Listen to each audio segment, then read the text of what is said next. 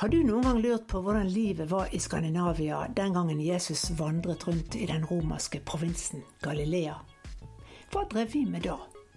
Hvordan tenkte vi om verden rundt oss? Og hva visste vi om den store naboen i sør, om Romerriket? Hadde vi hørt om keiseren i Roma? Visste vi at Roma var full av prangende bygninger? Hadde vi hørt om de romerske badene? Og gladiatorkampene på Colosseum? Det har jeg lurt på. For livet i Skandinavia før vikingene begynte å seile i øst og vest, vet vi jo forsvinnende lite om. Eller gjør vi det? Du hører på Forskningspodden, og det skal handle om eldre jernalder. Om tusenåret fra 500 før til 500 etter Kristus. Vet du hva som kan ha vært det viktigste vi hadde å selge til romerne? Jeg ville aldri gjettet det. Svaret er ikke beroligende. Vi kommer til det etter hvert. Men vi begynner med begynnelsen. Det er rundt 500 år før vår tidsregning at europeerne oppdager jernet. Og med det skjer det en revolusjon. Fra bronsealder til jernalder. For mens bronsen, som består av kobber og tinn, består av eksklusive metaller som man måtte reise langt og betale dyrt for, så fins jernmalmen overalt. I bronsealderen var det bare storbønder og høvdinger som hadde råd til å bygge fartøyene og bemanne ekspedisjonene som skulle til for å hente kobber og tinnet hjem til Skandinavia. Og det skapte et ekstremt klassesamfunn. Så hva skjer da når man finner ut at man kan erstatte bronsen med jern? Her er Christian Christiansen, nestoren i bronsealderarkeologi. Det betyr jo at hele det der handelsnett det kollapser, mer eller mindre det kollapser jo fordi jernet kan du udvinde lokalt. Og når jernet vinner, så er det jo ikke fordi jernet er bedre enn bronse. Til visse ting er bronsen bedre enn jern. Jernet er, er, er, jo ganske bløtt, egentlig. Det er jo først når du lærer å smide jern og, og gjøre det til stål, som skjer litt senere. Det er jo først der det egentlig blir riktig, riktig øh, effektivt som våpen. Men jernet kan du utvinne lokalt. Du kan utvinne jern overalt. Betydde det en slags demokratisering av samfunnet? Ja. Man, mm? ja. ja, det betyr det. Vi taler jo om at det har vært revolusjoner og demokratisering over hele den kjente verden omkring 500 før Kristus. 500 før Kristus er sånn et globalt skifte i samfunnet i hele verden. Det er jo der du får demokratiet i Aten, f.eks. Ja, selvfølgelig. Det var fra slutten av 500-tallet at atenerne innfører et direkte demokrati for de frie borgerne med rettsstatsprinsipper, fri debatt og frie valg. Og det som skjer i Skandinavia når atenerne bygger sitt demokrati, er at storbøndene mister mye makt, sier Kristiansen. Du hadde de her kjempe gårder hvor man hadde dyr og mennesker. Men det som skjer, er at de, de, de forsvinner. Og så flytter mennesker sammen i, i, i landsbyer, i mindre gårder. Så alt tyder på at det her var en eller annen slags revolusjon mot, mer mot et mer demokratisk samfunn. Og i og med at bronsen og bronsealderen var, var, globalisert, så blir revolusjon og demokratisering jo også global. Så demokratiet i Athen er bare det som vi alle kjenner til. Men jeg tror, jeg tror at det der skjedde i Athen, eller noe beslektet, skjedde overalt. Noen steder mer enn andre steder. I Skandinavia begynner jernalderen i det små rundt 300 år før Kristus, sier Christian Løksen Rødsrud, som er arkeolog ved Kulturhistorisk museum i Oslo. Det starter i ganske liten skala. Kan ikke regne med noe stor jernindustri de første 500 årene. Og i så måte så ser man også at mange av de første jerngjenstandene som kommer, de etteraper egentlig bronsesmykker f.eks. Eh, men da har det metallet vært så eh, sjeldent og gjevt at man har prøvd å lage de samme kjente tingene som man eh, visste om fra før. Sånn som? Sånn som drak et draktsmykke f.eks. Og vi vet jo at det ikke vil holde seg like godt som en kobberlegeringsdraktsmykke i dag, men nyhetsverdien var så stor at man, man ga de faktisk forrang da i de første årene før Kristus. Da tenker jeg mer sånn spiralmønstret? F.eks. enkle draktfibler eller draktspenner. Svanehalsnål Nålen er f.eks. en kjent form fra den førromerske jernalderen. Det er, en, det er, en, lang nål som ender i en slags svanehals. Ja. Mens nordboerne pynter seg med jernsmykker, tømmer altså Sokrates giftbegeret og atenerne møtes på amfiteatret under Akropolis og ler av Aristofanes sine komedier og politisk satire. Men jernsmykkene går fort av moten, og jernet kommer til mer nyttig anvendelse, også i Skandinavia. Hittil så har bonden slått gresset og høstet kornet med en sigd som var laget av flint. Men på 200-tallet før Kristus, når det atenske demokratiet allerede hører fortiden til, og Hellas er innlemmet i Romerriket, bytter bonden i Skandinavia flintsigden ut med en sigd av jern, som både er enklere å bruke og å lage. Og, og Sånn sett så blir jo åker, åkerdriften bedre. Eh, man vil kunne ha større innhøstinger og drive større åkre, og, og kanskje ha mer buskap også. Eh, for det er jo viktig, viktig redskap for å sanke fôr til dyrene om vinteren, dette her. Seinere kommer plogjernet, og da kan bonden dyrke den tyngre jorden også.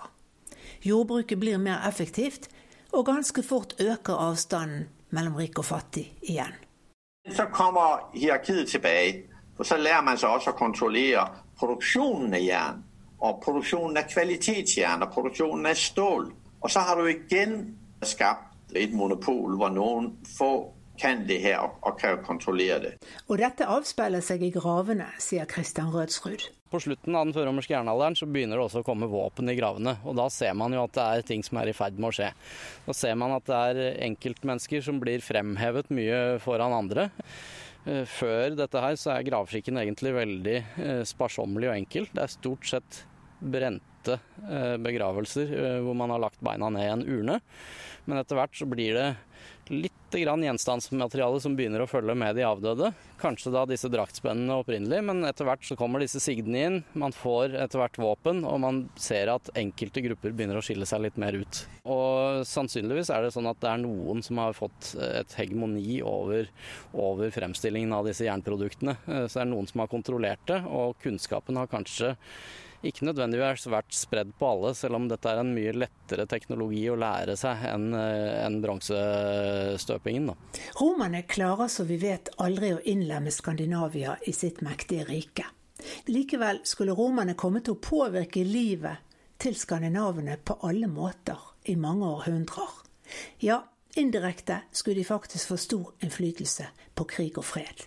Man sier jo gjerne at uh, samfunnet på det tidspunktet, det vi da kaller romertid, altså samtidig med romerske rikets kanskje storhetstid, er et samfunn preget av vekst, f.eks. befolkningsvekst, uh, teknologiske nyvinninger. Uh, jordbrukslandskapet utvider seg osv. Og, og vi ser stadig mer prestisjegjenstander i gravmaterialet. Husene blir større f.eks., så det er åpenbart et velstående samfunn. Man ser utvikling i den perioden. Men det handler om et en landadel, eller kan si en uh, overklassen den gangen, er jordeiende. Altså det er storbønder i en eller annen form som står bak denne si, prosessen. Og mye typer at det profitterer på kan du si at det er et mektig rike i sør som kan bedrive handel med, f.eks. Er å tilgang til prestisjegjenstander. Sier Ingar Mørkestøl Gundersen, også han arkeolog ved Kulturhistorisk museum i Oslo. Vi har jo ingen skriftlige kilder fra denne tiden i Skandinavia. Men høvdingegravene vitner om at krigene blir viktigere og viktigere fra tiden rundt Kristi fødsel, sier Christian Rødsrud. Det blir rett og slett mye ufred. Mye vold. Gravene de fortsetter å bli rikere og rikere. Det blir flottere utstyr i gravene, særlig f.eks. våpen, da, som skiller, skiller enkelte ut. Hva slags våpen snakker vi om? Da er det egentlig alt fra sverd til spyd og skjold og eh, økser. Mange av sverdene har nok vært uh, av romersk fabrikat, eller uh, importert fra romerske smier. Gjerne i germansk område, men, men, i hvert fall innenfor Romerrikets grenser.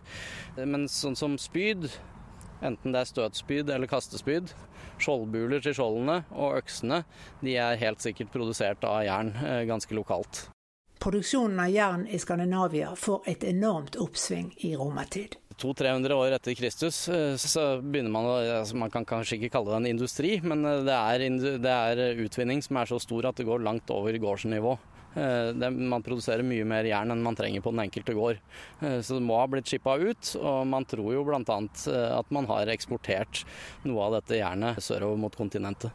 For er det fordi vi har mer malm enn andre, da? Ja, vi har jo veldig god tilgang på malm. Altså, det, er jo, det er jo malm i Danmark også, men det er jo særlig skogs- og fjellområdene i Norge er veldig rike og har vært veldig attraktive som utvinningssteder. Og det har vært godt jern, og det har vært skippa ut. Og vi ser jo disse våpnene som ligger i gravene. Og det forteller jo sitt om hvor viktig denne krigføringen og hvor stor plass den egentlig tok. Man snakker om hærfølger som dro ut og erobret nye landområder og konkurrerte mot hverandre. Og de har nok reist ganske langt i disse stridsøyemed. Sett fra Romerriket så var germanerne, eller barbarene, som de kalte folk i Nord-Europa og Skandinavia, en av hovedfiendene. De germanske stammene var et stadig uromoment. Og i begynnelsen på vår tidsregning så presser romerne sine grenser nordover. I år seks etter Kristus så når de elvens munning, helt oppe ved Nordsjøen. Men tre år seinere, i år ni, så skjer det noe avgjørende. Det skjer en veldig viktig hendelse i år ni etter Kristus. For da er det en en romersk stattholder, eller en hærfører egentlig, da, som heter Varus, som er i kontakt med disse germanerne. Og på vei tilbake fra et møte med en av disse germanske høvdingene, så blir han forrådt. Og da går disse germanerne på han i et sted som heter Tautoburgerskogen. Det ligger i et sted som heter Osnabrück i Tyskland. Og dette stedet her er beskrevet da i skriftlige kilder. Og da lider romerne sitt største nederlag mot germanerne. De taper hele tre legioner i et bakholdsangrep, hvor de blir angrepet inni denne skogen som et slags geriljakrigføring, hvor ikke romerne, den romerske hæren klarer ikke å organisere seg slik som de vanligvis pleier, og de blir da slaktet ned av disse germanske stammene. Da sa vel keiser Augustus noe sånt som at uh, det står i disse romerske kildene 'Gi meg tilbake mine legioner', sier keiser Augustus. Men det fikk han aldri. Men det som skjer, er jo at uh, når germanerne vinner dette slaget her, så foretar de et sånt uh, såkalt krigsbytteoffer. Og da tar de altså alle levningene etter disse romerne, og, og ødelegger våpnene, destruerer de og ofrer de i en slags hellig lund inni denne skogen. Og for ikke mange år siden så ble dette stedet gjenfunnet med metalldetektorsøk. Og da fant man altså tusenvis av gjenstander fra denne, disse romerske hærene eh, som lå ofret på stedet. Så det var ikke nødvendigvis viktig å ta med seg all rikdommen fra romerne. Det var vel så viktig å ofre dette her til, eh, til, de viktige guddommene for krig. Så har de kanskje tatt med seg noen eh, selvfølgelig nøkkelgjenstander som har hatt større verdi. Og den symbolske betydningen der er vel at de takker gudene for seieren? Ja, det må man formode. Og kanskje hell og lykke inn i nyere kamper som de også visste at skulle komme. De hadde jo utrolig tette bånd opp mot disse guddommene, som kanskje var et pantheon av guder. Det må jo være et tidlig stadium av, det, av den norrøne gudetroen. da. Men helt sikkert er det nå i hvert fall at det var viktig å ofre, og i mange forskjellige sammenhenger. Mm. Men du tror ikke det var skandinaver nede i Osnabrück? Det kan det ha vært, men da kan de jo ha vært mer leietropper for denne Arminius, denne germanske høvdingen som, som sto bak denne seieren i denne kampen. Da. Etter det fatale nederlaget gir romerne opp forsøket på å innta de germanske områdene i nord. Men de germanske stammene kom heller aldri til å utgjøre noen alvorlig trussel mot Romerriket. Til det var de for splittet innbyrdes. De var for opptatt av å kjempe seg imellom. Man dannet store hærfølger, hvor det var én primær leder som trakk til seg følgere, våpenføre menn, og så reiste man rundt og kriget med hverandre. Og man kan se det igjen i bosetningsstrukturen også. Et, I løpet av romertiden så etableres mer og mer dette her med halvkulturen. Det blir kanskje aller tydeligst i folkevandringstid, når du kommer opp i årene rundt 400 etter Kristus, hvor man utvikler egne halvbygninger. Men, men, i de første årene så er det store langhus med en egen sal som har hatt en halvfunksjon. Og der har jo dette aristokratiet møttes og gjort sine allianser. Man må tenke seg at halvrommet kanskje er en ti meter langt. Og så eh, har man eh, sittet til bords, det tenker man seg jo, men man vet jo faktisk ikke om de hadde bord. Man vet man ikke det. Nei, vi har ikke funnet noe bord fra den perioden, så vi vet ikke akkurat hvordan det foregikk. Men det vi vet Hvordan var romertiden på den tiden, da? Ja, der hadde de jo bord. Og romerne holdt jo banketter. Og noe inspirasjon hentet også germanerne fra romerne. Men det er helt klart at de hadde sin egen drikkekultur fra før. Og man hadde disse gildene hvor man f.eks. sendte øl rundt etter rang. Og da var det gjerne husfruen formodentlig som bøy dette rundt til de viktige krigerne rundt bordet i høvdingens navn. Sånn som det er kjent fra f.eks. Beowulf-kvadet, dette angelsaksiske diktet eh, som er nedtegna på, på 700-800-tallet, men som antakeligvis da omhandler 400-tallet på dansk område. Og vi ser jo en annen ting som er viktig, som vi ser i gravematerialet. Det er egentlig eh, spor etter nettopp dette gjestebudskulturen som var så viktig. Eh, for i mange av disse rikeste gravene fra den eldre jernalderen så finner vi det som ser ut som en slags bordoppdekning. Man finner større mengder med keramikk som er satt opp eh, for å illustrere et slags gjestebud. Og ofte er disse da akkompagnert med romersk import. Eh, altså f.eks. glass som er produsert i Romerriket, fine bronseskåler og lignende. Og dette har på en måte symbolisert livet i hallen, og dette viktige livet som, eh, som foregikk i disse store bygningene.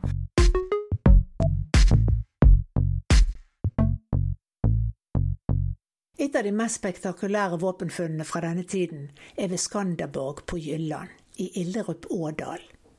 Der har man funnet 15 000 gjenstander, mesteparten er våpen, datert til 200-tallet.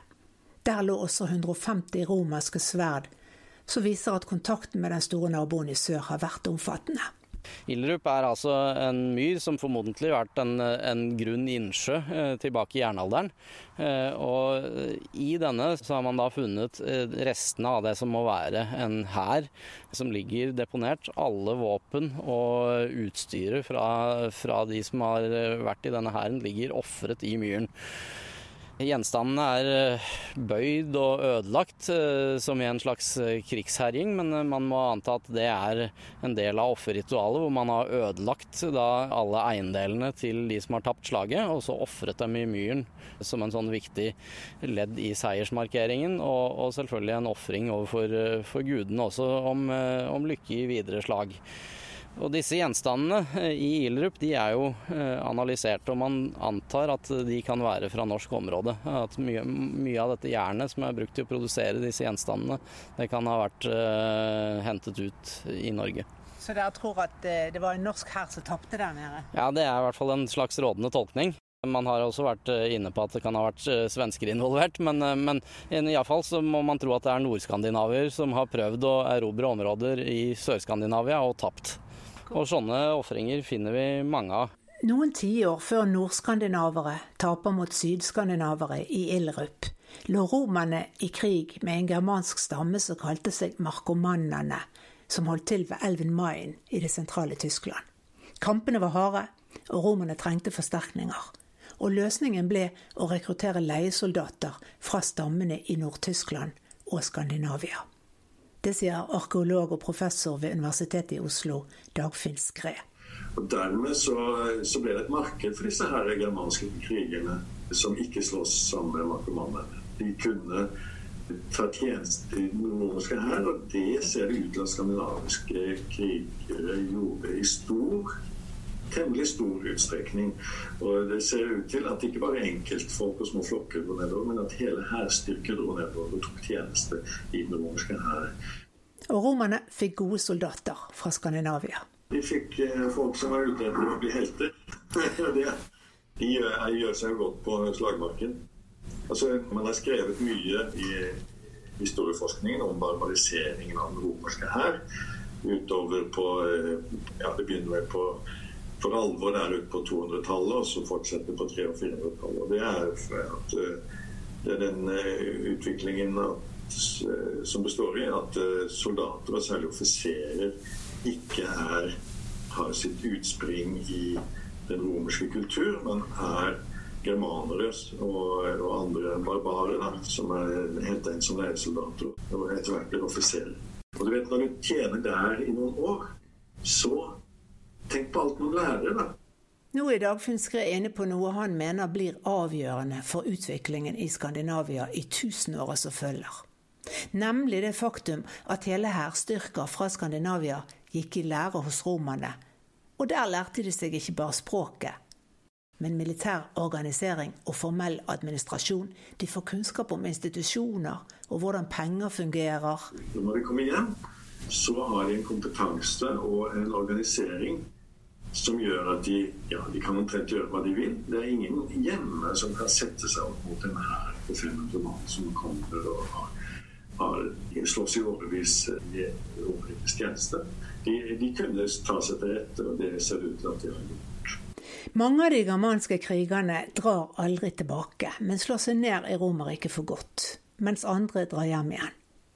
Og i Sør-Skandinavia, på Fyn og i Skåne, slår noen av de som hadde avansert til offiser i den romerske hæren, seg ned på flere sentrale plasser og fortsetter å utvikle den livsformen som de var blitt vant til i Romerriket.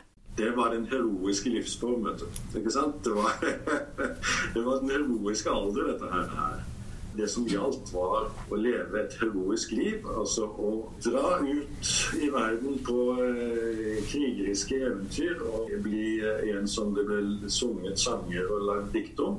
Sånn at en overskred dødens grense og ble en, eh, en evig størrelse i verden. Var det også motivasjonen til å, til å dra i romersk tjeneste, tror du? Ja, det tror jeg det var.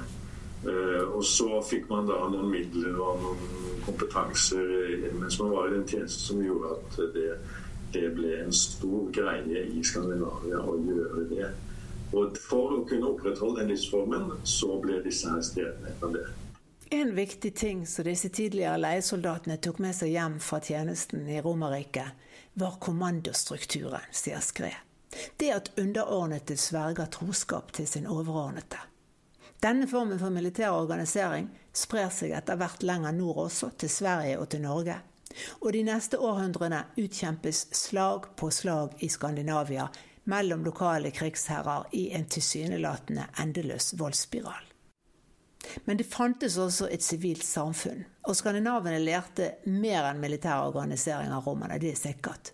På slutten av 200-tallet så begynte noen av de også så smått å risse runer.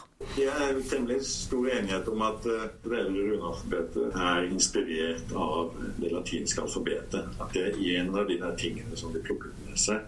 Og så måtte de lage et alfabet som oppfylte to krav. For det første måtte tegnene svare til de nordgermanske lydene. Og for det andre så måtte de kunne ristes i tre.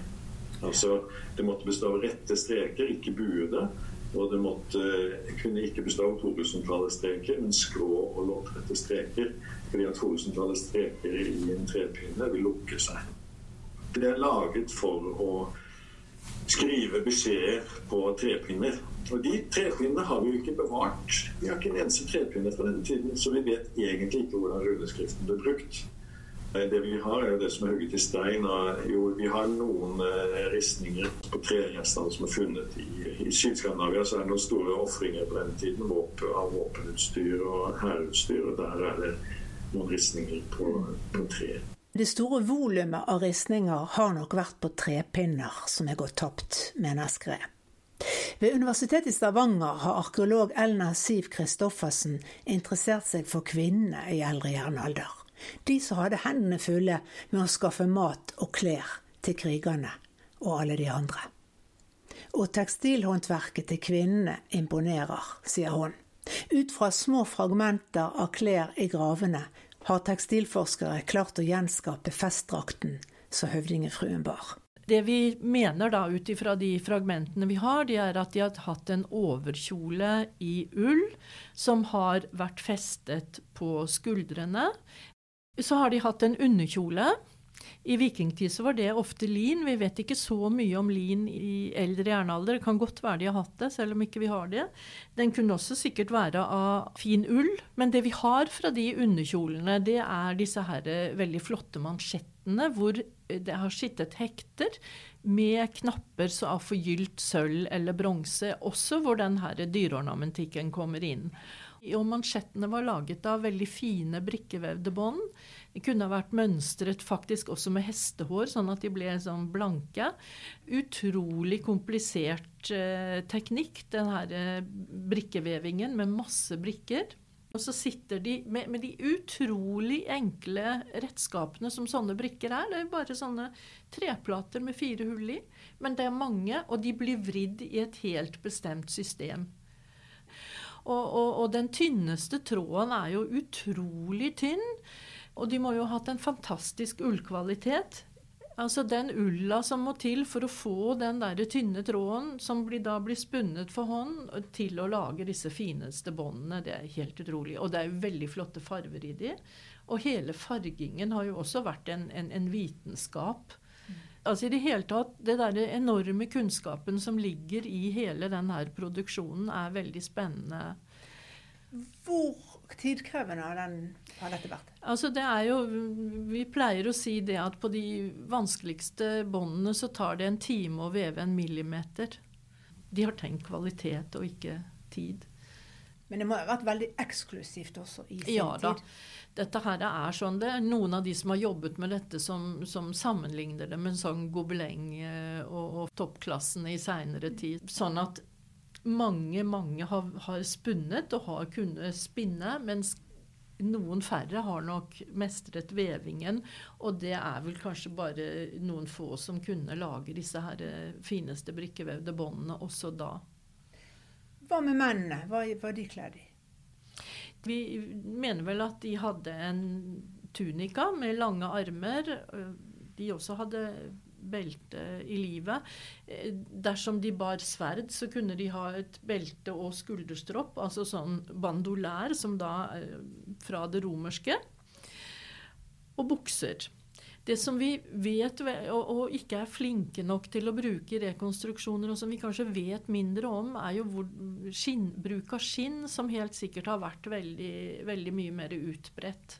Og, og hverdagsklærne altså vi, Hvis vi finner bare tekstiler i de aller fineste gravene, eh, som da kanskje de fikk lage til begravelsen for å være ekstra flotte når de skulle komme til forfedrene, så, så vet vi jo veldig lite, da.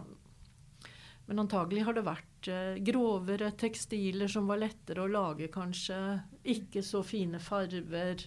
Som har vært hverdagsklærne, og som du ikke ble begravet i. I hvert fall ikke hvis du tilhørte krigeraristokratiet. Smykkene de bærer er enten av gull eller er gullforgylte, og fremstiller dyrelignende skikkelser. Menneskefigurer eller en blanding av dyr og mennesker som sammenfiltrede, løsrevne kroppsdeler. Ser man på det gullsmedhåndverket på den tiden, så er det usedvanlig detaljert og godt. Det er utrolig dyktige kunstnere som har arbeidet med smykkeproduksjonen. Og man har bl.a. noen gjenstander som kalles for gullberlokker, hvor man jobber med sånn fin filigransteknikk eh, med små, små eh, gullperler som legges på disse smykkene. Og gullsmeder i dag sier at det er nesten umulig å etterape, selv med litt mer moderne tekniske hjelpemidler. Sier Christian Rødsrud. Gullet har skandinavene plyndret eller handlet til seg. I gravene finner arkeologene mange romerske gjenstander som skandinavene ikke produserte selv, som glass og fin keramikk, drikkebeger av sølv, sølvmynter og ikke minst våpen. Men hva kunne nordboerne friste romerne med i bytte? Jern var en viktig eksportvare, det er det stor enighet om. Sikkert også ull og tekstiler og Huder fra dyr. Eh, pelsverk av eh, mer eksotiske dyr eh, som man kunne få i de skandinaviske områdene. ikke sant? Ulv og bjørn og sånne mer nordlige arter. Det var ettertraktet. Det fineste pelsverket kom fra skridfinnene, altså samene skriver en gotisk historiker. Men én ting som står i de skriftlige kildene som er veldig spesielt, det er jo at romerne ønska seg blonde parykker. ja, det virker jo ganske absurd, men vi vet jo ikke da om dette er eh, krigerske handlinger hvor man har tatt skalpen av, eh, av eh, skandinaviske kvinner, eller om man faktisk grodde hår og solgte det. Begge deler er jo egentlig mulig. Men handel har det i hvert fall vært, og sånn har man også ervervet seg en del romerske gjenstander. Men den viktigste handelsvaren som skandinaviske krigere solgte til Romerriket, kan rett og slett ha vært slaver. Du hørte riktig. Dagfinn Skrev mener det har foregått en storstilt slavehandel i jernalderen, ikke minst fra Skandinavia til Romerriket. Man herjet og, og tok slaver. Hvor tok man slaver, mener du? Andre steder i Skandinavia.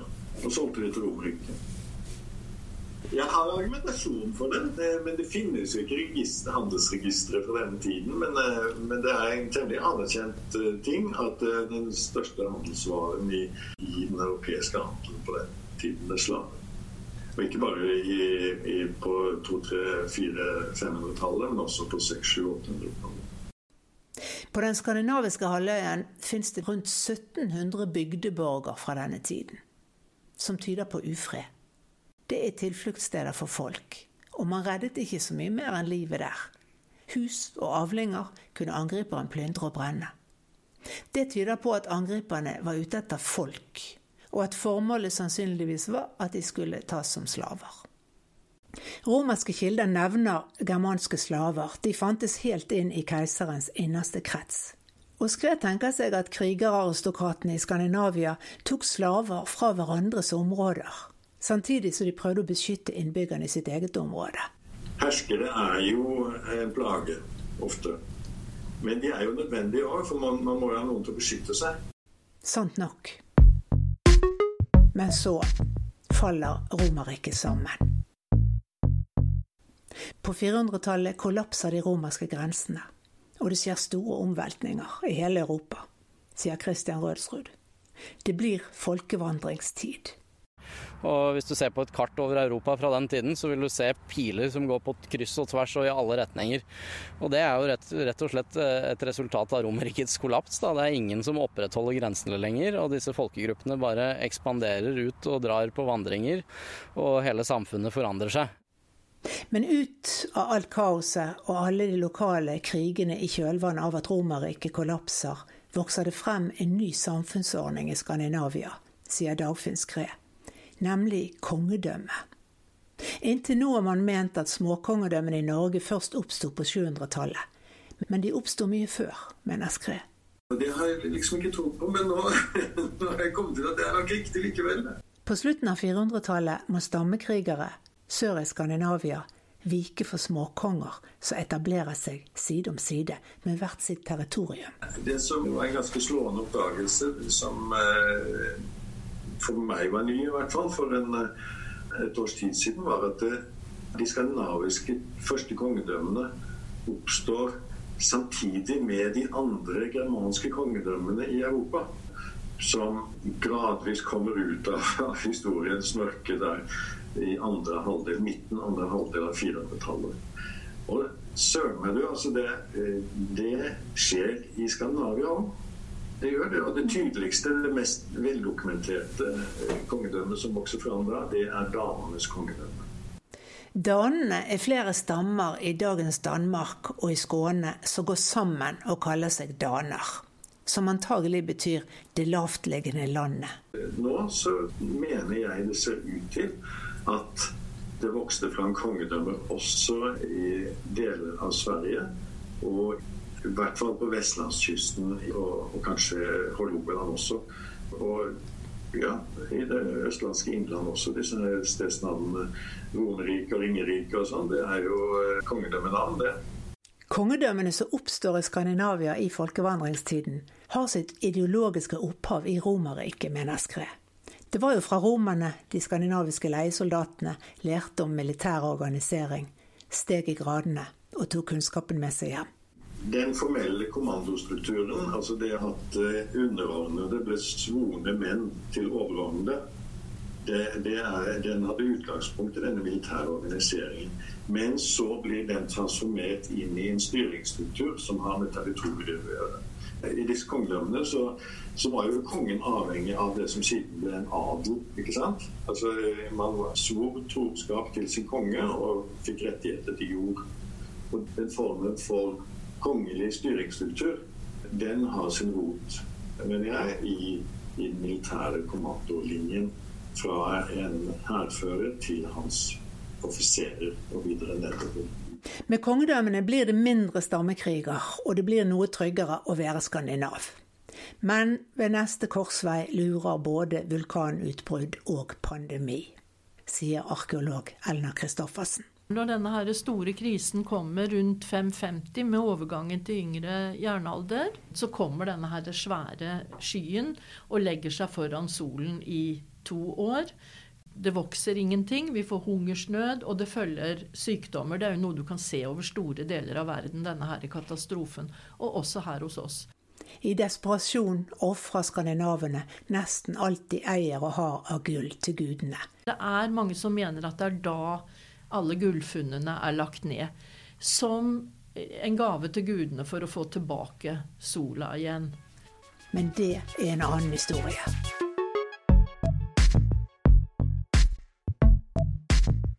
Takk for at du hører på Forskningspodden, som er laget med støtte fra forskning.no og Fritt Ord. Mitt navn er Anne Synnevåg.